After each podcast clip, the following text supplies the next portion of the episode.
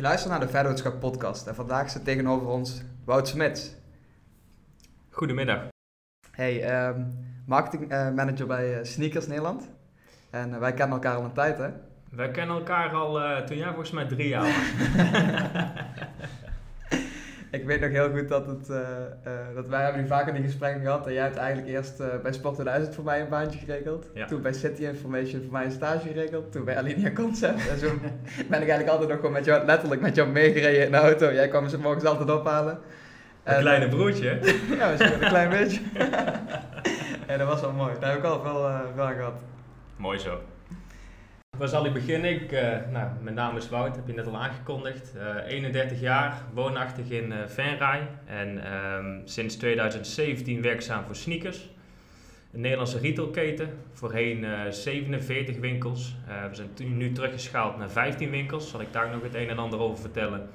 Eh, en de webshop. Sneakers.nl en sneakerstores.be. En eh, mijn verantwoordelijkheid is enerzijds de marketing, eh, dus eigenlijk voor heel sneakers, en anderzijds het e-commerce gedeelte, dus de webshop. Want ehm, op het begin, toen jij daar kwam, toen, ehm, toen eh, ja, had dat nog wat minder focus. Kun Mhm. jij eens uitleggen welke eh waarde dat je daar hebt geleverd op het begin? Ehm, toen ik, of de sneakers is eigenlijk in 2016 gestart om echt ja, versneld door te groeien.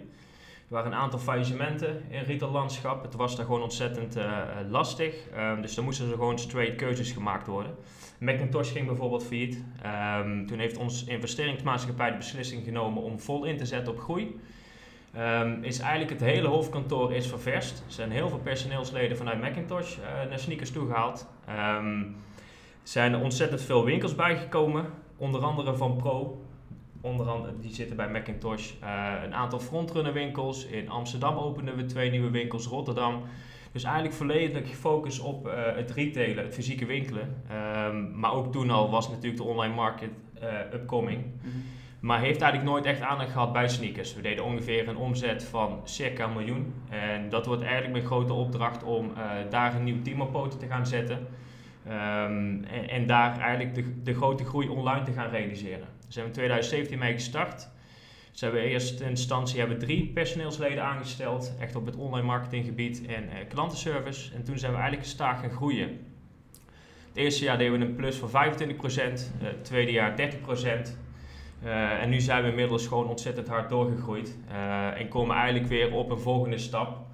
Eh dus zullen we daar verder nog wel eventjes over hebben. Dat echt de webshop, het online gedeelte, ehm, ja, de first gedachte heeft. En daar moeten we de aankomende jaren nog verder versneld doorgroeien. Eh, ja, tot circa 10 miljoen omzet eh, in 2023. Oké, we, praten over eh, 2016 dat sneakers zeg maar die focus op groei wil- wilde leggen, in ieder geval Ja. de investeringsmaatschappij. Ja. Hoe kan het dat, want het is nog best wel eh, kort geleden, hoe kan dat al die tijd de focus echt lag op die fysieke winkels en nog niet op het online gedeelte? Ja, hele goede vraag. Ehm, ligt denk ik ook deels aan eh, de eigenaar en directie. Zijn echte retailers. Onze eigenaar is een man, nu inmiddels 78. Een hele rijke eh, miljonair. Hij is heel erg groot geworden in de schoenenproductie. eh achter Fashion Groep. Eh, dat heeft hij jaren geleden overgedaan aan zijn zoon. Ehm, nou, hij wilde nog lekker blijven retailen. Dus de eigenaar is echt een retailman. Onze directie zijn ook bijvoorbeeld, onze directeur is een oud franchise-nemer. Dus daarin zat echt gewoon het echte retail-gedachte. Eh, en ik denk dat het eh, meer mee te maken heeft dat de kennis en know-how niet aan boord was om echt die focus op het online eh, te leggen. Nu gedurende de jaren dat je de retail-omzet verder terug ziet lopen en het online gedeelte ontzettend ziet groeien, ja, is daar wel een kentering in gemaakt. Ja, want bestond het wel als sneakers.nl destijds? Ja, ja, en dat hebben ze heel goed gedaan. De URL sneakers is gewoon Ja. ontzettend waardevol. Daardoor zien we ook onder andere binnen Google dat we enorm goed scoren door de autoriteit die we in het verleden hebben opgebouwd. Dus eh, ja, daar halen we ontzettend veel organische traffic mee binnen. Dat, eh, de- alleen al organisch staat ongeveer eh, gelijk aan een miljoen omzet. Dus dat heb je onder andere door de naam gerealiseerd. Ja, als je nu in deze tijd nog organisch goed gevonden wordt, dan heb je echt gouden handen. Dat En helemaal met die domeinnaam Ja, natuurlijk. eens.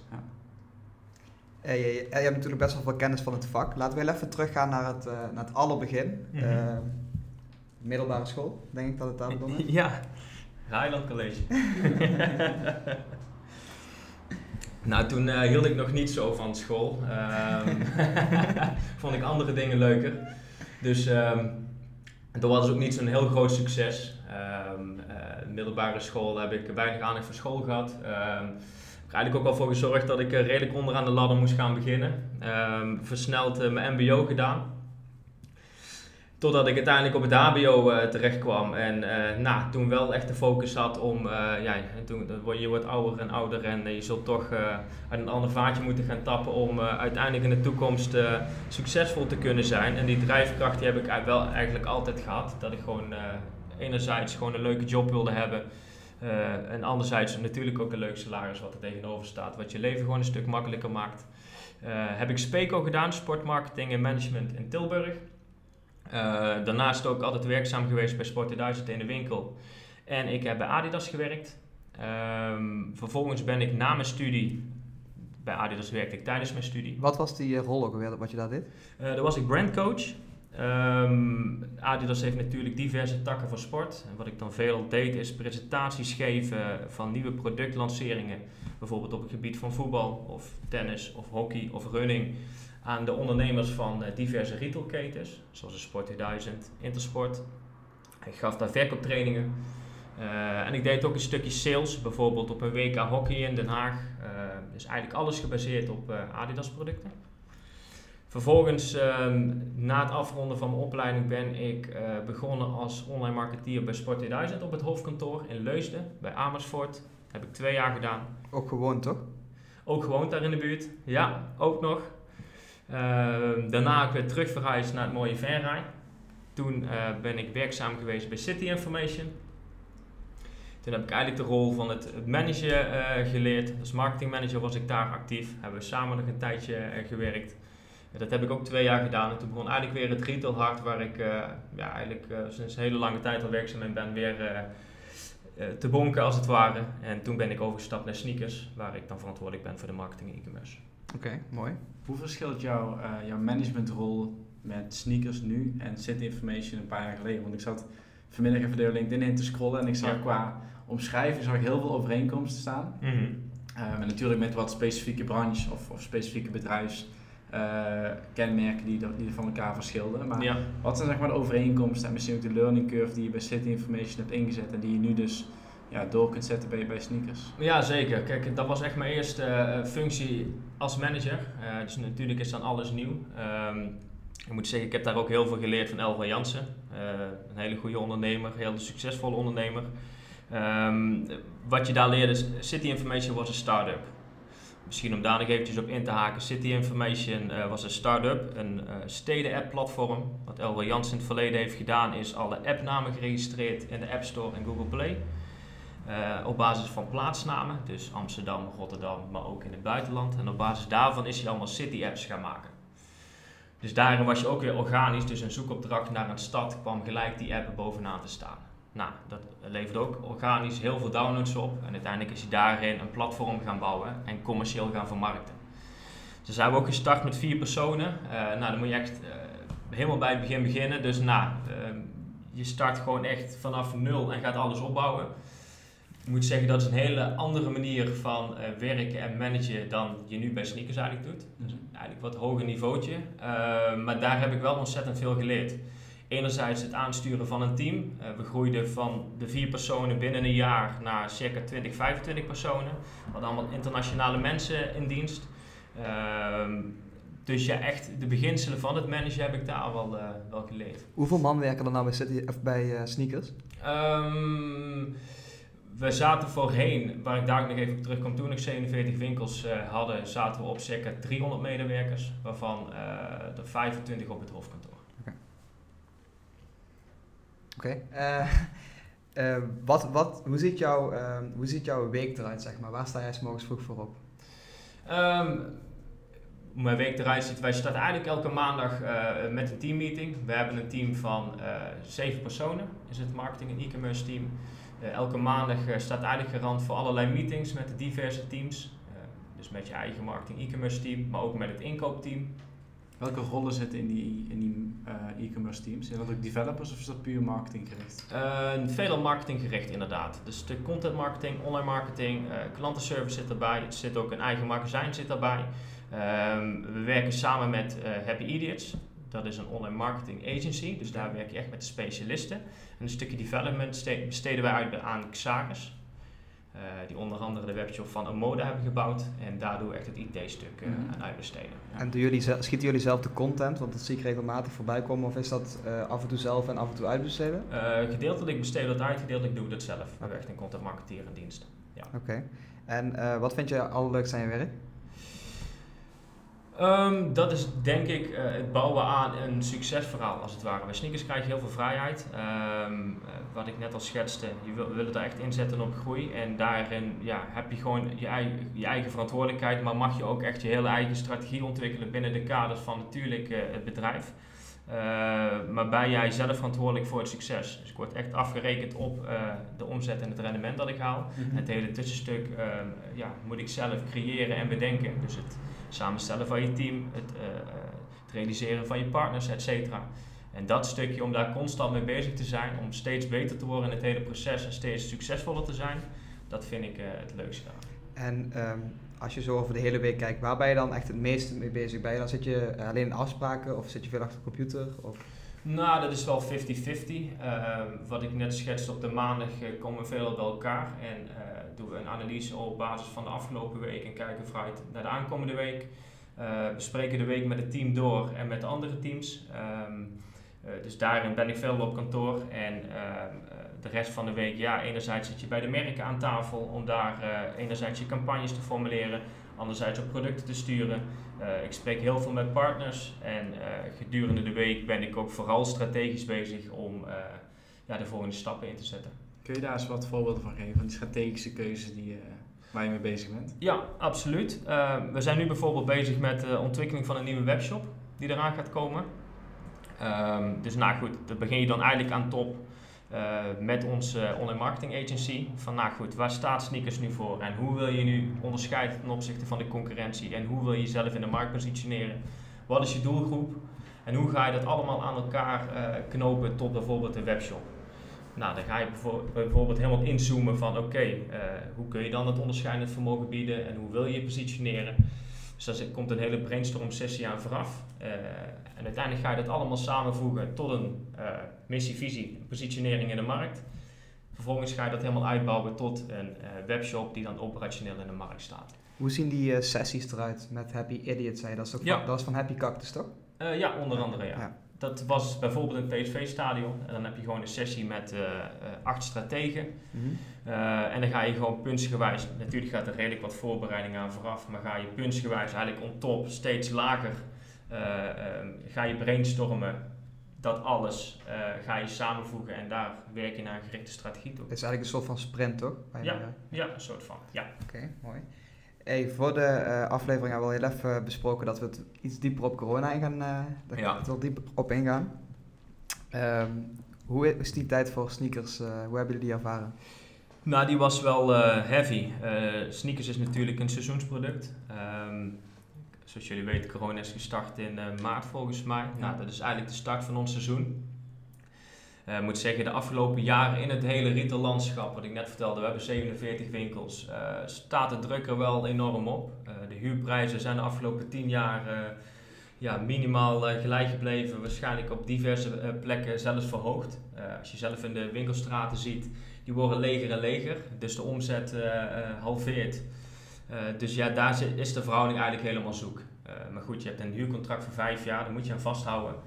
Uh, dus, dus, de afgelopen twee jaar met winkels in Amsterdam, Rotterdam, uh, de grote steden met enorm hoge kosten, uh, ja, is het gewoon heel erg lastig om daar überhaupt key te spelen. Um, online daarentegen, die, die groeide gewoon wel ontzettend goed door, circa 25, 30 procent per jaar. dus 2020 was ook wel gewoon ja, een van de jaren weer van de, van de waarheid. 2018 was het lastig, 2019. Dus we stonden eigenlijk bij start seizoen en toen kwam de corona om de hoek kijken. En dan wordt alles op slot gegooid. Um, dus wat we toen hebben gedaan is uh, zelf ook besloten om alle winkels dicht te doen. Uh, duidelijk naar de consumenten gecommuniceerd natuurlijk. Uh, van we zijn gesloten, ook om daarom het standpunt in te nemen. Dat je daarin ook je verantwoordelijkheid neemt. Um, maar goed, dan gaan je kosten wel door en de omzetten zijn vanuit het retailgedeelte zero. Mm -hmm. De webshop daarentegen, de eerste week was wat overspannen. Daarna zag je wel een enorme groei. Dus je zag in het begin dat iedereen hand op de knip hield. Ja. En vanaf eigenlijk eind maart, begin april zag je het gigantisch stijgen. Dan deden we een omzet van 2 keer 2, keer 3, keer 4. Dus je zag daar een echte verschuiving. Um, dus we zijn toen ongeveer drie weken volgens mij dicht geweest. Uh, toen ook de gesprekken uh, gestart met alle uh, eigenaren, de verhuurders. En daar wordt eigenlijk gewoon een heel spel werd daar gespeeld. Dus heel retaillandschap. Wij wilden huren die passen bij de omzetten die niet direct werden gehaald, maar goed, wat vergroot werd in de aankomende maanden. Want nu is de situatie wel wat verbeterd, maar je kan simpelweg met de anderhalve meter cultuur kan je niet uh, uh, naar de traffic die je wil behalen en de daarbij horende omzetten. Dus we wilden naar een model toe dat gewoon passend was. Mm. Uh, weet je, daar, waar, daar, daar, kwam je gewoon niet uit. Er was gewoon geen beweging voor eigenlijk alle, vanuit alle verhuurders, maar ook voor alle retailketens waarin wij uh, ja, het besluit hebben moeten nemen uh, om ons faillissement aan te vragen. En dat is gebeurd in uh, um, begin juni hebben we dat gedaan. Geldt okay. dat dan meteen voor heel sneakers of hadden jullie echt aparte takken voor retail en online? nee, dat geldt voor heel sneakers. Um, en dat is bij achteraf gezien is dat niet een hele slimme keuze geweest. Want daarin inderdaad, ja, doe je alles er niet. En stel mm. dat je het allemaal opdeelt in diverse BV'tjes, zou je daar de keuzes in kunnen maken. En alles stond nu onder enerzijds uh, sneakersstores.bv en sneakers holding.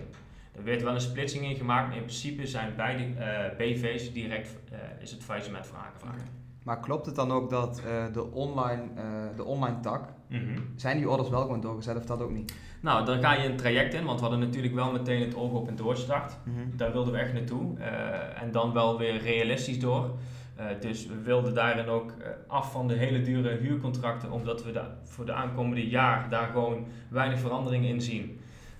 en ook hopen dat vervolgens zeg maar, de markt zo gaat ontwikkelen na corona dat de huurprijzen wel weer rendabel zijn.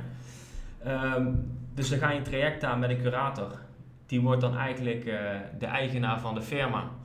En er is natuurlijk een heel voorbereidingstraject aan vooraf gegaan. Uh, onder andere om die webshop in de lucht te houden. Want jullie weten ook, als je webshop op, zwart zet, is alle waarde die je hebt opgebouwd, wordt er niet gedaan. Dus daar hebben we allemaal trucjes, et cetera, voor uitgehaald om dat te kunnen omzeilen. Uh, nou goed, na het faillissement, het werd ook direct opgepakt door de media. Het werd uh, breed uit gecommuniceerd. Uh, en daar hebben wij ook een hele strategie voor bedacht van oké, hoe gaan we die communicatie doen? Dus alle personeelsleden op hetzelfde moment, leveranciers op hetzelfde moment. Want we wisten, als de media daar lucht van krijgt, dan weet iedereen het, daar wil je voor zijn. Hoe lang was de periode dat jullie het intern al wisten? Dus dat je alles moest gaan uitdenken van oké, zo gaan we naar personeel communiceren, zo naar de buitenwereld, totdat het uiteindelijk ja, bekend werd? Om tien uur hadden we een meeting. Uh, dus we hadden het allemaal opgedeeld. Eén uh, iemand was de communicator richting personeel op het hoofdkantoor. Eén iemand deed de franchise-nemers. Één iemand deed de leveranciers. Mm -hmm. En dat was om 10 uur. Uh, nee, leveranciers was zelfs later, want we wilden eerst intern communiceren. En om 11 uur stond het al op RTL. Uh, was het bij SBS, was het bij uh, alle media hadden het al opgepakt. Uh, we werden die dag plat gebeld door allerlei media. We hadden ook echt besloten om het gewoon stil te houden. Mm -hmm. Om de publiciteit naar buiten te proberen zo laag als mogelijk te houden. maar dat gaat zo snel. Ze hadden zelfs de brief in handen die wij na de call naar de personeelsleden hebben gestuurd. Ja, en de franchise-nemer met alle informatie, die was in handen van de media. Dus ja, dan gaat het als een lopend vuurtje. Dus het is letterlijk binnen een uur voor, ja, nadat jullie het wisten, is het landelijk uh, bekendgemaakt. Ja, ja, klopt. Of bekend geworden eigenlijk. Is bekend geworden, ja. Hadden we liever niet, maar dat gaat heel snel. En dat, dat traject van, uh, wat je net zei, die trucjes, je webshop online houden, je wil natuurlijk die waarde, die verliezen die je hebt opgebouwd. Hmm. Wanneer vond dat dan plaats? Uh, eigenlijk al voorafgaande. Uh, dus dat hebben we helemaal voorbereid hoe we dat wilden doen. We hebben, ja, dan wordt het wat technisch, maar we hebben een soort van layer over de bestelknop heen getrokken. Dus mensen konden simpelweg niet bestellen. Okay. Um, we wisten, oké, maandag werd het faillissement aangevraagd, dinsdag komt dan een curator. Dus we hebben de maandag nog om alle pakketjes van het weekend te versturen. Nou, die dinsdag kwamen we dan op kantoor en toen had DHL, et cetera, er allemaal al lucht van gekregen. Dus alles werd on hold gezet. Onze betalingsleverancier Buckaroo had ons account geblokkeerd. Dus nou goed, je komt dan in zo'n weerwar. En uh, nou, als je het dan over een stukje management hebt, mm doe je daar ontzettend veel ervaring op. Want dan moet je rustig blijven. Uh, uh, je moet goed blijven nadenken. Enerzijds moet je je team goed informeren wat ze moeten doen. Hoe ga je naar buiten toe? Hou de rust. Um, anderzijds heb je een stukje emotie bij medewerkers. Hè. Die hebben nieuws te horen gekregen, weten niet of ze kunnen blijven, maar moeten nog wel presteren om die webshop gewoon in de lucht te houden en alle processen door te laten gaan. Um, dus nou goed, daar komen er heel veel competenties bij kijken om dat uh, goed te managen. En hoe ga jij daar zelf mee om met zo'n stressvolle situaties? Want dat lijkt me super lastig. Of heb jij er bepaalde dingetjes voor dat je toch even terugtrekt? Of nou, dat, vragen stelt? Ja, dat is ook wel een stukje ervaring. Dat je door de jaren heen wel leert. Um, ik denk dat je als manager zijnde ten alle tijde rustig moet blijven. Want jij straalt dat door op je team. Mm -hmm. En als jij uh, heel stressvol gaat zijn, dan, uh, dan neemt de rest dat over. Dus ik probeer er altijd gewoon heel rustig uh, in te staan, me goed voor te bereiden, uh, alle informatie te hebben, de rest uh, goed te informeren over diverse processen. en dat goed te blijven monitoren. En dan helpt alleen maar, of dan helpt het als je heel rustig bent. Want dan kan je een goed overzicht houden. En hoe zie je dat? Um, want ik denk dat als je bijvoorbeeld naar zo'n Jeff Bezos en Amazon kijkt, liggen er super veel kansen in online natuurlijk. Ja, ja. Hoe zie jij dat de aankomende tijd voor je? Zeg maar dat, dat je nu best wel uit een moeilijke tijd komt, maar dat er mhm. aan de, aan de andere kant ook heel veel kansen juist in die online business zitten. Ja, want om daar nog even op in te haken, we hebben inmiddels een, een doorstart gerealiseerd met mhm. sneakers. Uh, hoe, dus lang, hoe lang duurt dat, zeg maar, voordat dat geregeld is? Drie weken hebben we erover gedaan, ja. Dus dan ga je in onderhandeling met de curator en dan kom je er samen uit hoe je verder gaat. Dus dan worden eigenlijk de uh, ja, succesvolle elementen van het bedrijf, of in ieder geval de economisch uh, succesvolle elementen van het bedrijf, worden dan weer overgenomen. Dus we hebben nu besloten om alle eigen winkels af te ketsen alle franchisewinkels wel aan boord te houden. Dat zijn er in totaal 15. En met de webshop voor nu door te gaan. En uh, die moet echt richting de toekomst, krijgt hij de volledige focus. En daar moeten we uh, nog harder de groeiversneller in gaan zetten. Uh, en daar zie ik heel veel mogelijkheden voor. wat ik net al zei, er, komt een nieuwe webshop aan. de domeinnaam is al heel erg sterk. We, we, groeien al ontzettend hard door. Um, we halen daarin ook wat extra expertise aan boord online guru komt bij ons aan boord, wordt ook deels eigenaar van uh, de onderneming. Die zal ook uh, ja, vooral op strategisch niveau met ons mee gaan werken. En waar ik dan het enerzijds zie is ehm, via onze nieuwe webshop dat we daar een hele mooie nieuwe slag kunnen, kunnen slaan. Ik denk dat je daarin wel heel goed moet kijken naar je concurrentie, dat je anders moet zijn dan de rest. Waar liggen jouw, jullie USP's, denk je? Nou, uiteindelijk als retailer is het vrij lastig om je echt te onderscheiden. We zijn bezig met een private label om daar een toch exclusiviteit uh, te krijgen. Maar als puur als retailer is je concurrentie, zeker in ons prijssegment, is enorm. Dus ik denk in de basis dat je heel goed moet kijken naar enerzijds je assortiment, om die toch deels onderscheidend te laten zijn, maar wel in de behoeften van je doelgroep. En dat je anderzijds heel dynamisch met je prijsstrategie om moet gaan. Mhm. Uiteindelijk in onze markt, de commerciële markt, is prijs ontzettend leading. Um, zullen jullie zelf ook werken, merken als jij een schoen wil kopen die bij 10 tot 15 uh, eh, retailers te bestellen is. Kijk, iedereen levert de volgende dag. Mm ieder doet, iedereen doet het een mooie verpakking. Natuurlijk, je branding is, is mooi. Hè? Je wil bij een gaaf product wil je, je schoenen kopen. Maar uiteindelijk is die prijs ook ontzettend belangrijk. Uh, dus daarin, wij doen aan dynamische prijsvoering. Dus wij analyseren constant onze eigen positie, onze eigen prijs, onze eigen voorraad. Maar vooral ook de prijs in de markt. En dan uh, baseren op basis daarvan onze verkoopprijs. Want jullie zitten redelijk in het middensegment, toch? Uh, wij zitten in het middensegment. Wij richten ons op de uh, early majority consument. Dus de dame en een heer die met een ja, mooie kledingcel, die er goed uit wil zien en dat wil com combineren met de sneaker. Mm -hmm. En daar ook bereid is toe om te betalen voor een leuk product. En is het door die dynamische prijsvoering dan jullie doelstelling om de goedkoopste te zijn telkens? Of waar wil je dan uiteindelijk op uitkomen? Nee, nee, nee. We, hebben wel natuurlijk je marge doelstellingen. Dus op sommige producten weet je dat een stukje assortiment is enerzijds een soort van exclusiviteit creëren. Dus producten inkopen die anderen niet hebben. Mm bij de merken word je ook ingedeeld in diverse segmenten. Dus dat is dan ook weer belangrijk hoe je, zelf, hoe je jezelf in de markt zet. Een voorbeeldje is bijvoorbeeld Vans. Dat is een belangrijk uh, merk voor ons. Doordat wij ons positioneren als fashion label mm -hmm. uh, binnen ons segment, uh, worden wij anders gecategoriseerd dan bijvoorbeeld een JD, een Snipes en een Footlocker. Dus dan mag je andere dingen inkopen. Precies, ja. juist. Um, uh, dus daarin probeer je enerzijds je assortiment zo samen te stellen door enerzijds sportmerken te voeren, maar vooral ook fashionmerken. De fashionmerken zijn de marges hoger, is de concurrentie ook lager. -hmm. um, bij de sportmerken is de concurrentie enorm hoog. Dus dan probeer je te kijken dat je producten inkoopt ehm, ja, die minder bij de concurrentie liggen. De producten waar wel de concurrentie hoog op is, daar moet je echt het spel gaan spelen op basis van prijs. En hoe, ja, en, en hoe, um, want je had het net over de behoeften van jullie doelgroep. Hoe ga je daarmee om? Hoe ga je na wat er in trek is bij jullie doelgroep? Ja, dat doe je vooral op basis van je data. Uh, zowel intern als extern. Uh, daar werken we ook samen mee met uh, Happy Idiots om daar echt analyses op te doen. Dus je doet een stukje kwantitatief onderzoek via Google Analytics natuurlijk mm -hmm. constant. Dus puur op data sturen van je consument. het stukje kwalitatief onderzoek daarin. Uh, om constant eigenlijk bezig te zijn om op, ba op, basis van data beslissingen te nemen. En hoe doe je het kwalitatieve onderzoek dan? Uh, dan uh, we hebben diverse keren hebben we gewoon interviews afgenomen met consumenten. Dus dan benaderen we gewoon, we maken eerst clusters binnen onze database als het ware. dat er een goede afspiegeling is van de gehele doelgroep. En dan worden daar gewoon gesprekken mee aangegaan. Om daarin dus enerzijds puur op data, maar anderzijds ook een stukje kwalitatief uh, een hele mooie verzamelbak te creëren om op basis daarvan je doelgroep helemaal helder te hebben, ja. om op basis daarvan goede beslissingen te kunnen nemen. En wie is jullie, uh, jullie doelgroep als je dat in het persoonlijk kunt gieten?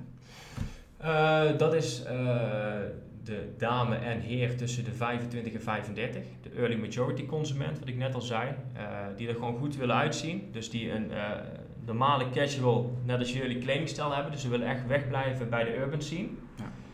Waar de hele grote retailketens zoals een JD en een Snipes en een Foodlocker in zitten. Die zitten echt in die urban scene, de hip-hop scene. Dus wij willen echt uh, naar het casual fashion gedeelte. Dus een gaaf kledingstijl combineren met een uh, dagelijkse casual sneaker. Nou, wat ik interessant vind, we hadden net over die concurrentie en ja, hoe ga je onderscheiden. Ja, op, op bezorging ga je het niet winnen. Op, uh, op een mooie webshop ga je het ook niet winnen. Nee. je had het dan over dynamische prijsvoering. Maar zijn er nog meer ja, componenten waar jullie de, de, concurrentie mee kunnen en ook willen aangaan? Ja, enerzijds denk ik, uh, daar kijken we heel kritisch naar, naar een eigen label, private label. Uh, wij zijn onderdeel van de achte fashion groep, wat ik net al schetste. Dat is een schoenenproducent. En ik denk dat je ook een stukje exclusiviteit in de markt moet zetten. Kijk, als retailer, wat ik net al zei, is het heel erg lastig om onderscheidend te zijn, omdat de concurrentie enorm is. Dus wij zijn nu heel druk bezig om een private label op poten te zetten, een eigen merk. Uh, daar gaan we ook een specifieke inkoper voor in dienst die dat hele traject op gaat zetten.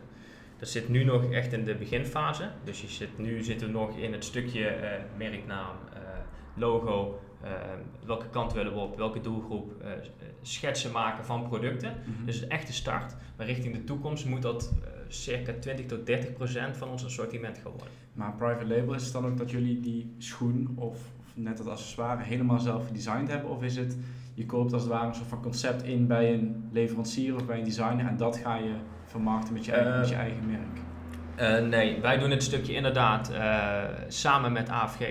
Dat is een schoenenproducent, die hebben ook diverse merken in een portefeuille. Die hebben ook diverse designers in dienst. valt ook binnen dezelfde familie. dat voordeel hebben we. Dus we kunnen ook gewoon heel goedkoop produceren dadelijk. En door de voordeur als het ware verkopen. Uh, dus het hele ontwikkelen daarvan wordt door hun gedaan. Ah, juist. Ja. ja. En jullie over de marketing van ja. die producten? Ja, juist. En de beslissingen wat voor producten, et cetera. Oké, okay. ja. cool. En daarin zijn de marges gewoon ontzettend hoog. Dus daarmee kun je al een brok uh, winst genereren, een stuk exclusiviteit genereren. Uh, en daarnaast denk ik voor de rest dat je vooral ook naar schaalvoordeel moet gaan kijken. Dus we zijn nu vooral bezig in Nederland en België. Uh, maar zullen we dadelijk ook naar Duitsland en naar Frankrijk moeten gaan? Zeker met je private label, mm -hmm. ook al met je eigen merken. Uh, en ik denk dat de marketplaces uh, enorm belangrijk gaan worden richting de toekomst. Dus de bol.coms en de Amazon. En ook voor dat stuk wordt je eigen merk enorm belangrijk. En zijn jullie nu al actief op die marketplaces? Nu nog niet, dat is ook een bewuste keuze. Ehm, dat we eerst willen focussen op de lancering van de nieuwe webshop en ook alle processen daaromheen helemaal waterdicht willen hebben voordat we die stap gaan maken. bol.com en Amazon niveau daar is ontzettend hoog. Je krijgt er één gele kaart, vervolgens een rode kaart en dan ben je klaar. Ja. Denk je dat je dan niet dat je daar te veel marge uiteindelijk weggooit als je ook nog via die kanalen gaat spelen? Dat je niet um, vandaar wordt je private label ook ontzettend belangrijk richting je toekomst. Dat je marges daar vele malen hoger zijn. Exclusiviteit heb je op dat gebied. Uh, dus daar liggen heel veel kansen. Uh, binnen inderdaad je merken, wordt dat best wel lastig inderdaad. Dan moet je het spel heel slim gaan spelen. En je ziet daarin ook zeker de grote merken, net als een Nike en een Adidas, dat die al steeds meer direct gaan. Dus uh, de hele retailmarkt is al aan het veranderen, zowel fysiek naar online, maar ook binnen de merken verandert er heel veel. Waardoor je dus constant uh, goed met je eigen plan bezig moet zijn om toekomstperspectief te hebben. Mhm. ja. En ehm, aan wat voor verschillende producten moet ik dan denken in zo'n private label? Kan dat, gaat dat om kleding, schoenen, echt gewoon alles? Of? We zullen in eerste instantie starten met sneakers sneakers, schoenen. Ehm, daar zijn we gewoon sterk in, dus dat willen we eerst gewoon helder hebben. Maar richting de toekomst zullen daar ook een stukje kleding, accessoires, etc. bij gaan komen. Maar wel eerst gewoon goed de basis leggen voor je sneakerproduct, want daar ligt onze kracht. Oké, mooi. En wat zijn, jouw, uh, wat zijn de drie belangrijkste concurrenten van sneakers, die wil ik nog vragen? Weet je zo? Um, dan kijk ik wel veelal naar het retail gebeuren. Uh, dan is het veelal Jive, uh, Snipes JD Foodlooker. Um, ook wel Omoda, Nelson. Ehm, als je online kijkt, ja, natuurlijk heb je daarin ook enorme concurrentie van een Zalando. Mhm. Ja. Maar dan, ik kan het niet vergelijken met een soort van of acties, actiesport of soccer fanshop of... Nee, actiesport zit daarin echt een stuk lager. Dat is echt laag segment. En dan als je naar het hoge segment bijvoorbeeld kijkt, dan heb je echt de boutiques. Ja. Uh, en wij zitten dan echt in het middensegment. Dus het commerciële segment. Um, wij verkopen bijvoorbeeld ook veel minder echte exclusieve sneakers, maar zitten echt in de massa. Ja. Dus de Adidas Superstars, Adidas Stan Smith, Vans Old School. Echte basisschoenen waar heel veel volume in zit. Ja. ik hoor nu veel verschillende richtingen. Uh, online, private label, ook nog wat winkels, uh, nu 15 geloof ik. Ja. Um, je had net over missie en visie die jullie op papier hebben gezet samen met uh, jullie online marketing agency. Ja. Waar gaan jullie nou echt naartoe? Want je hebt enerzijds een winkel staan, je bent bezig met een nieuwe webshop, ja. uh, private label, dadelijk op marketplaces. Wat is nou echt jullie focus voor de komende, nou laten zeggen drie jaar? Ja, ja um, wij willen enerzijds uh, sneakerketen zijn met een lokaal karakter. Als je dan kijkt naar de stenen winkels, uh, die zich onderscheidt door een fashion karakter. Onze focuspunten worden enerzijds service, anderzijds storytelling. Dus we willen echt een sterk brand neerzetten als sneakers zijnde. en women's focus. Onze grootste klantgroep uh, is de dame. Mm Dus waar we net over hadden, tussen die 25 en 35, die early majority consument. Dus de dame die het goed voor elkaar heeft, die ook kindjes heeft. We hebben ook een kids assortiment, die zich goed wil kleden. Uh, en dat wil matchen uh, met een mooie sneaker. Dus dat verhaal willen we ook helemaal in de markt gaan zetten. Dus dat in je contentstrategie moet je ervoor zorgen dat je die dame, en ook de heer natuurlijk, die moet je niet vergeten, naar je toe gaat halen. Uh, dus ook richting de toekomst wordt dat gewoon een heel belangrijk object om echt je branding aspect, dus heel je contentstrategie goed vorm te geven. Dat je daar die consument al gaat inspireren, naar je toe haalt. Uh, en vervolgens gaan eigenlijk andere online marketingkanalen dan ook uh, vanzelf weer. En het blijft dan dus een combinatie van offline en online? Het blijft een combinatie van online en offline. Moet ik wel een kanttekening bij maken dat je gewoon moet kijken hoe de retailmarkt zich doorontwikkelt. Ja. voor nu gaan we alleen door met franchisewinkels wat ik net schetste, als de huurprijzen in de markt weer enigszins rendabel worden, zullen we ook eigen winkels gaan openen. Want je kunt dan toch zeg maar, je verhaal beter vertellen in de winkelstraat, een stukje uh, branding inspiratie in de mhm. winkelstraten neerleggen. Uh, maar de grote focus ligt wel echt op het online stuk. En in hoeverre hebben jullie invloed zeg maar, op die franchises qua branding, qua storytelling? Um, is vrij lastig. Proberen we wel heel strikt te doen, uh, maar het blijven ondernemers. Mhm. En ondernemers blijven een eigen koers uh, maken. En een ondernemer is vooral ook niet met marketing bezig. Is vooral bezig met korte termijn heel veel geld verdienen. En we proberen ze daarin heel goed te adviseren en te informeren. We proberen daar ook heel veel uit handen te nemen. Maar een ondernemer blijft doen wat hij zelf wil. En dan kun je met allemaal straffen en boetes gaan werken. Nou goed, dat gaan we niet doen. Uh, dus ja, dat is een uitdaging. Maar ik denk dat dat bij heel veel franchise-ketens uh, ja, ook wel een probleem is. En want van 47 naar 15 winkels, um, zijn er nog een aantal franchises daardoor gestopt? Of, of waren het voornamelijk eigen winkels? Uh, alle eigen winkels zijn dan weg. er is één franchiser gestopt en er is een andere franchiser, hij had vijf winkels, die is teruggegaan naar vier. En een andere franchise had ook vijf winkels, is teruggegaan, uh, ook naar vier. Want wat is dan het voordeel voor jullie? Of is dat puur een stukje gemak dat jullie gebruik maken van franchises? Uh, naar gemak is te makkelijk. Natuurlijk is dat een verdienmodel voor sneakers. Uh, we ontvangen 6% fee van de omzet. Uh, dus dat is een leuk verdienmodel om daarbij te hebben, als het ware. Maar daarnaast wil je ook gewoon actief zijn in de winkelstraten met je eigen naam. Dus die twee componenten, heel kort door de bocht, ehm, heeft ons bewogen om wel met franchise door te gaan. En ook een stukje uh, ja, commitment wat je al jaren hebt met de franchise-nemer. Um, franchises bijvoorbeeld hebben een, in de meeste gevallen een VOF. Mm Zit een huurcontract aan verbonden. Uh, dus als je vanuit dat oogpunt ook kijkt, uh, kunnen wij niet zomaar onze franchises nu afstoten. dan breng je ze ook direct gewoon in grote problemen. Dan zitten zij met het huurcontract opgeschreven. Juist. Ja. En, dan krijgen simpelweg hun producten niet meer als ze de merknaam sneakers niet meer boven de paai hebben staan. Ja, ja want hoe werkt het dan uh, logistiek? Hebben jullie voor online en offline dan verschillende distributiecentra? Of, of ja, hoe gaat dat eens weer? Ja, we werken met uh, diverse filialen binnen ons centraal magazijn. Uh, eentje, één filiaal is puur voor de webshop. Een ander filiaal is voor de winkels. En daar zit ook een merchandiser op die constant analyseert welke producten er op welke posities goed verkopen. En dan wordt het ook wekelijks of soms twee wekelijks herverdeeld naar elkaar. Ja, dus wordt constant wel verschoven. Er wordt gekeken van oké, die loopt in de winkelstraat heel goed, online ja. minder. Dan gaan we die voorraad een stukje verschuiven naar de... En zelfs op winkelniveau wordt gekeken wat waar goed presteert. En wordt daar ook weer... Uh, en, en, hebben die winkels dan zelf, mogen die zelf bepalen wat ze inkopen en wat ze dus uiteindelijk verkopen? Of wordt dat vanuit sneakers? Wordt nee, wordt door sneakers bepaald. Ja, wij hebben gewoon een inkoopteam die dat uh, bepaalt. En daar zit wel natuurlijk, in de commissie zitten twee franchises. Mm -hmm. uh, dus om daar ook draagvlak te creëren. Dus doen het inkooptraject met vijf personen. Uh, maar dat wordt wel door die vijf personen bepaald. En waar zitten dan echt de vrijheden voor die franchise-ondernemers? Waar kunnen zij een eigen sausje, een eigen draai aan geven, buiten sneakers om? Um, Goeie vraag. Uh, dat is vooral in het operationele. Enerzijds natuurlijk waar ga je een sneakersvestiging openen. Dat wordt dan ook weer in samenspraak met sneakers gedaan. De hele strategie wordt door sneakers ontwikkeld. De hele huisstijl, het hele winkelconcept wordt door sneakers ontwikkeld. Dus de hele strategische wordt bij hun uit handen genomen. Ook de inrichting van de winkel? Ja, wordt allemaal de sneakers gecoördineerd. maar vooral het operationele, dus het dagelijks uh, draaien in een winkel en je winkel up and running houden, dat ligt bij de franchise-nemer. Ja. Welke, want je hebt natuurlijk je verleden bij Sport 1000 gehad, waar jullie dus samen hebben gewerkt. Ja. Ervaar je dan ook heel veel nou, zaken die je herkent, maar ook dingen die je toen al hebt geleerd, die je nu gewoon heel makkelijk kunt toepassen in je, in je huidige werk? Of staat het dan wel echt los van wat jij nu doet en wat, wat die winkels doen? Uh, dat staat wel redelijk los. Natuurlijk doe ik wel de marketing enerzijds voor die winkels. Uh, maar wij hebben ook retail managers in dienst en die zitten veel korter op die winkels. Okay. hun ja, uh, adviseren en ondersteunen ook de ondernemers daarin, zowel financieel als operationeel. En heel, heel veel retail vraagstukken uh, worden bij hun neergelegd. Dus daar heb ik mindere mate mee te maken. Maar je ziet wel heel veel dezelfde dingen terug. Een ondernemer is een ondernemer. Het zijn haantjes. een hele eigen mening en een eigen visie. Ik heb hier ook twee tegenover Nee.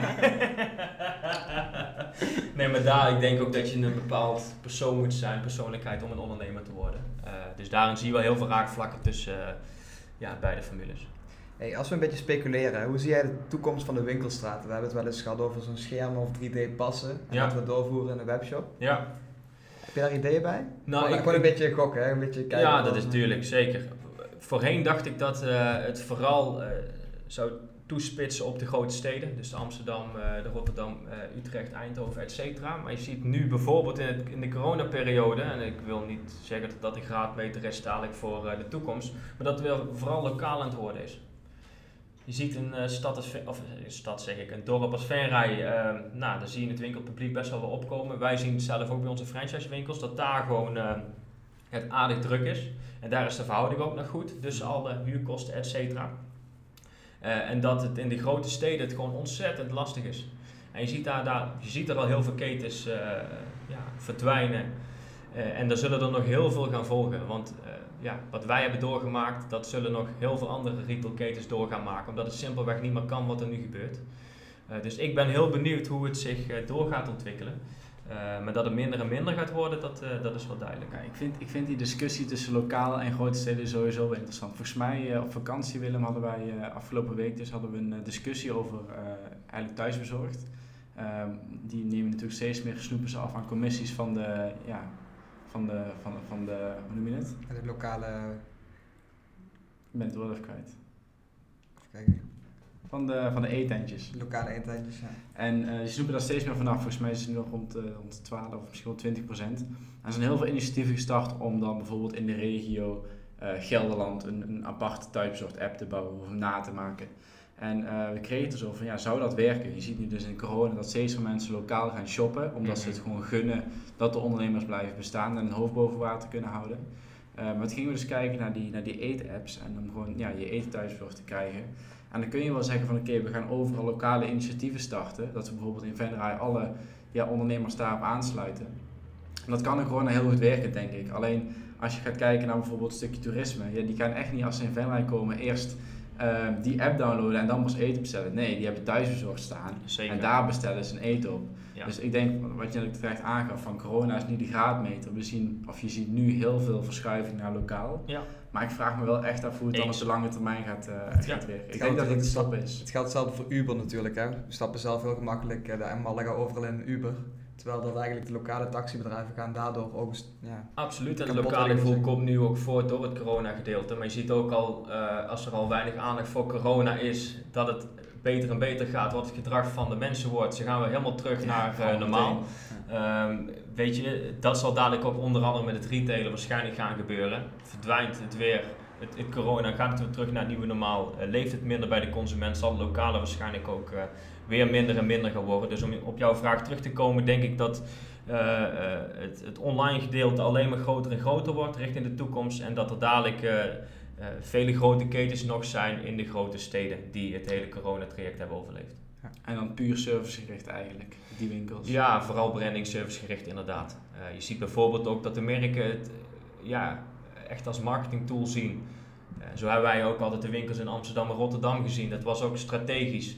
Geld verdienen deed je daar niet, maar je was daar wel aanwezig in je key cities. Eh, daarmee verhoog je je naamsbekendheid. Daarmee kun je andere collecties van de merken inkomen, inkopen omdat je in die grote steden zit. Daardoor krijg je meer support vanuit de merken omdat je daar zit. Dus het is gewoon een marketingtool. Ja, de kracht van crossmedia is natuurlijk ook gigantisch. Hè. Dus dat jij het online eh, ziet, dat je daar getarget wordt. Maar dat als je door de winkelstraat loopt Ja. of je, je gaat ergens wat eten en eh, je komt het overal tegen. De consument momenteel is 24-7, eh, wordt die getriggerd. Weet je, die kijkt niet meer van waar ik het koop, in een winkel of via een webshop. Of weet je, ze willen altijd en overal kopen. En overal zijn triggers en inspiratie. Daarom is het ook zo belangrijk om in de hele route van de customer journey aanwezig te zijn. Om uiteindelijk de consument naar je toe te halen. Ja, en, en voor die winkels van die grote ketens, die kunnen natuurlijk qua servicegerichtheid heel veel doen in die steden. Die kunnen daar bijvoorbeeld een retour ontvangen of daar gewoon wat meer Ja. advies geven. Maar wat ik ook, eh, toen ik een paar jaar geleden in New York was, toen zag ik opeens een hele lange rij staan bij een Nike store. Ik zeg van ja, wat is daar aan de hand? Gewoon een normale sneakerwinkel zou je dat niet zo snel verwachten. Maar er was dus, hadden ze een hele experience gebouwd. Ja. En ik denk dat daar ook wel echt de kans ligt voor die grote ketens om gewoon echt bezoekers echt mee te nemen in gewoon, ja, gewoon iets vets, iets nieuws. Zeker. Daarom kon je bijvoorbeeld eh, kon je kiezen uit volgens mij drie sneakermodellen van Nike en dan kon je ze helemaal ja, laten customizen daar. Ja, vet veel, vet veel publiek komt daar natuurlijk op af. Het is branding. Ja. Weet je, consumenten gaan ook dadelijk, of gaan naar de steden om vermaakt te worden. Het wordt een dagje uit. Eh, dus daar moet je gewoon, enerzijds als retailer, anderzijds als merk, moet je daarop inspelen. Eh, dus je moet iets extra's gaan bieden. Hey, ehm, Wout, welke persoon inspireert jou op zakelijk gebied? Uh, goeie vraag. Ehm, ik heb niet echt personen die mij zo inspireren. Wat ik wel doe is heel veel boeken lezen. Eh, om daar heel veel kennis mee op te doen. Eh, dus ja, in mindere mate personen, maar ehm, eh, ja, meer zeg maar in de boeken duiken. Ik moet wel zeggen, ik vind bijvoorbeeld hoe Baller bijvoorbeeld zijn merk heeft opgezet en Demi de Zeeuw. Vind ik heel knap als voetballer uh, zijn. Jules Manders, ik ben even de andere. Ralf, Ralf, Ralf precies. Via YouTube kijk ik daar absoluut wel uh, video's naar. Uh, gewoon hele slimme mensen die heel slim uh, op de markt hebben ingespeeld. Om heel vroeg bij het hele social media verhaal te zijn. Dat heel vroeg aan te pakken en daarin middels een bepaalde strategie heel groot te worden. Dat inspireert me. Dus als je dan personen moet noemen, ik vind die eh, gasten enorm sterk. Um, en qua boeken, wat, uh, wat zijn je tips? Of wat lees je veel? Wat, wat ik ben toevallig bezig met brandscaping. Oh ja, op aanraden van ja, dingen. Ja, ook die ja, ook op aanraden. Ja, juist. Uh, vind ik ook heel interessant om op basis van samenwerking inderdaad je brand uh, groter en groter te maken. Uh, maar ook ja, echt vakspecifiek lees ik heel veel boeken. Stukken voor SEO, stukken voor SEA, e-mail marketing, content marketing. Om daar gewoon constant bij te blijven en beter te worden. Um, wij moeten als relatief kleine speler gewoon ontzettend slim zijn om uh, groei te kunnen realiseren. Um, ja, en dat inspireert me ook en dat triggert me ook om constant beter te worden om die vervolgstappen ook in te kunnen zetten. Want hoe is die balans, uh, omdat jullie samenwerken met een online marketing agency en een development agency, ja. hoe is die balans zeg maar, tussen kennis en specialisme uh, tussen jullie in-house en tussen hun? Want je kunt ook zeggen van, hey COCA, leg je lekker bij die bureaus neer, want zij hebben daar de knappe koppen voor zitten. Ja. Maar je hebt ook zoiets van, dat wil ik zelf ook kunnen en ik wil het zelf ook begrijpen. Hoe, ja, wanneer kom je eigenlijk op een punt van, oké, dat leggen we bij hun neer en dit doen we zelf? Ja, om als een webshop geld te verdienen, rendement te boeken, moet echt alles kloppen. Uh, dus je moet ook heel uh, gestructureerd met je kosten omgaan. Uh, een webshop gemiddeld maakt dus de 5 tot 8 procent rendement. Dus je moet heel goed kijken van oké, waar kan ik enorme kosten aan gaan maken en wat is het verdienmodel daarop. Om op jouw vraag terug te komen, probeer ik een Happy Idiots vooral te gebruiken. Het zijn hyperspecialisten uh, op strategisch oogpunt en dat is ad adviserende rol. Mm om op diverse disciplines bijvoorbeeld maandelijks twee uurtjes per discipline te sparren. Uh, en op die discipline hebben we dan operationeel gewoon een uh, onder marketeer zitten die het uitvoert. Okay, ja. uh, bij een agency betaal je circa 130 euro per uur. Dus als je daar de operationele zaken door hun laat doen, dan dat wordt veel te duur. Dat wordt veel te duur. En qua development dan, de webshop zelf? Ja, we werken nu dan nog bij Xaris. Ehm, daar zijn we niet altijd even tevreden over, met alle respect. Uh, alle wijzigingen die wij moeten doorvoeren is een uurtje factuurtje. Ook dat is keer 130 euro. Vandaar ook de beslissing die we hebben genomen om over te gaan, uh, ook in het development gedeelte, naar Happy Idiots. We gaan bouwen op WooCommerce. Daar zijn we nu druk mee bezig. Om daarin ook veel flexibeler te zijn en alles onder één vlag te hebben. En daarin dan ook echt een duidelijke wisselwerking te hebben tussen ons team en hun team. Is dat nog een punt van discussie geweest bij platform jullie gingen bouwen? Ja, ja, ja. we hebben gekeken naar Magento. Uh, maar zijn tot de conclusie gekomen dat WooCommerce nu beter bij ons past. Wat we willen. En ook het stukje kosten daarin weer. Ja. Ehm, dus dat is zeker een discussie geweest. En is Shopify nog een kandidaat geweest? Zie je ook steeds meer opkomen? Ja, absoluut. Uh, niet, echt een kandidaat, niet echt een kandidaat, maar ik zie daar ook wel heel veel potentie in. En, uh, ja, je ziet de dropshippers bijvoorbeeld ook daar uh, heel veel mee bezig zijn. Ik weet volgens mij dat, om terug te komen op Baller, ook ja, die daar op Ja. ja, ja, dus um, voor de toekomst, als wij mogelijk nog een volgende stap gaan maken, zal dat zeker ja, want, ja, want je zegt dat je hebt de dropships op, op uh, Shopify die voor 30 dollar in de maand een uh, ja, complete webshop optuigen, zeg maar. Maar je hebt dan anderzijds dat Shopify Plus en dat is denk ik ook meer voor ja, ja de, tak, zeker, de tak waar jullie in zitten, het segment daarin. En volgens mij is Ballen daar ook in gestapt, want toen ik daar nog stage liep, was het uh, helemaal in-house, dus helemaal custom, custom made, zeg maar. Ja. En ehm, toen was eigenlijk al de visie en ook, ja, zijn ze wel achtergekomen van nee, we moeten dat eigenlijk gewoon bij een partij als Shopify neerleggen. En natuurlijk moet je zelf blijven ontwikkelen, maar je maakt wel gebruik, ja, gebruik van een bestaand platform, een bestaand framework om op verder te beduren. Ja, daarom hebben we nu ook gekozen, we zitten nu op een custom-made platform, okay. uh, eh, maar we gaan in open source, er wordt ook constant doorontwikkeld, ja. uh, dus dan blijf je ook volledig bij in de nieuwste technologieën die daarin worden geïmplementeerd. Ja. Nou, precies dat verkooppraatje doe ik naar mij. Ja, oké, mooi. hey, waar ben je met uh, sneakers tot nu toe het meest trots op? Um, ik denk wel de groei die we hebben gerealiseerd. Als je kijkt naar uh, toen we zijn gestart uh, en waar we nu staan, um, dat je een omzet uh, ongeveer ja, keer 5 keer 6 doet. Ja. ja, gewoon het hele pad die we met z'n allen hebben bewandeld. Um, ja, waar we nu gewoon in de markt staan. Daar ben ik ja, wel trots op. Oké, mooi. En kun je nog een blunder herinneren? Oh, voldoende. Um, goeie vraag. Ja, dus, uh, er zijn er meerdere. Weet je, iedereen maakt uh, natuurlijk fouten en uh, je moet constant of, meerdere keren tegen de lamp aanlopen om beter en beter te worden. Maar ja, zo exact kan ik er niet één op schrijven. Wat zijn jouw dromen nog, zowel zakelijk als privé? Ik weet niet of mijn vriendin nu aan luisteren. Ja, ik bedoel, ik bedoel wel eigenlijk persoonlijk. Ah, nee, zakelijk, ehm, ja, weet je wil ik me gewoon constant door blijven ontwikkelen. Uh, steeds beter en beter worden. Uh, als er bij sneakers kan, kan er bij sneakers. Uh, heel graag zelfs. Ik denk dat we daar aan een nieuw mooi project bezig zijn om daarin nog groter en groter te gaan worden. Mm weet je, daar kijken we gewoon goed naar. maar ik wil, dat is het belangrijkste, constant stappen blijven zetten. Zijn er qua functie binnen sneakers nog doorgroeimogelijkheden? Of is het meer dat je je eigen rol dan ja, anders moet gaan vormgeven als je door wil ontwikkelen? Uh, ik zit, ben nu onderdeel al van het MT, uh, ehm, dus daarin zit ik wel redelijk aan mijn plafond. Uh, dus het zal dan wel functiebreed zijn dat je kan doorontwikkelen. Ja. ja. En wij sluiten altijd af met een uh, gouden tip. Heb je die? Ik denk ehm, dat je belangrijk is dat je jezelf altijd blijft ontwikkelen. Ja. Dat je uh, daarin ook je inspiratie uit moet halen. Dat je de lat steeds hoger en hoger moet gaan uh, leggen. Uh, dat je moet proberen uit je comfortzone constant te treden. om elke dag gewoon een stukje beter te worden. Misschien dat daar ook wel het geluk zit, denk ik. Toch? Want als je er al geluk dwing je af, hè? dat is de quote. dat is mooi om af te sluiten.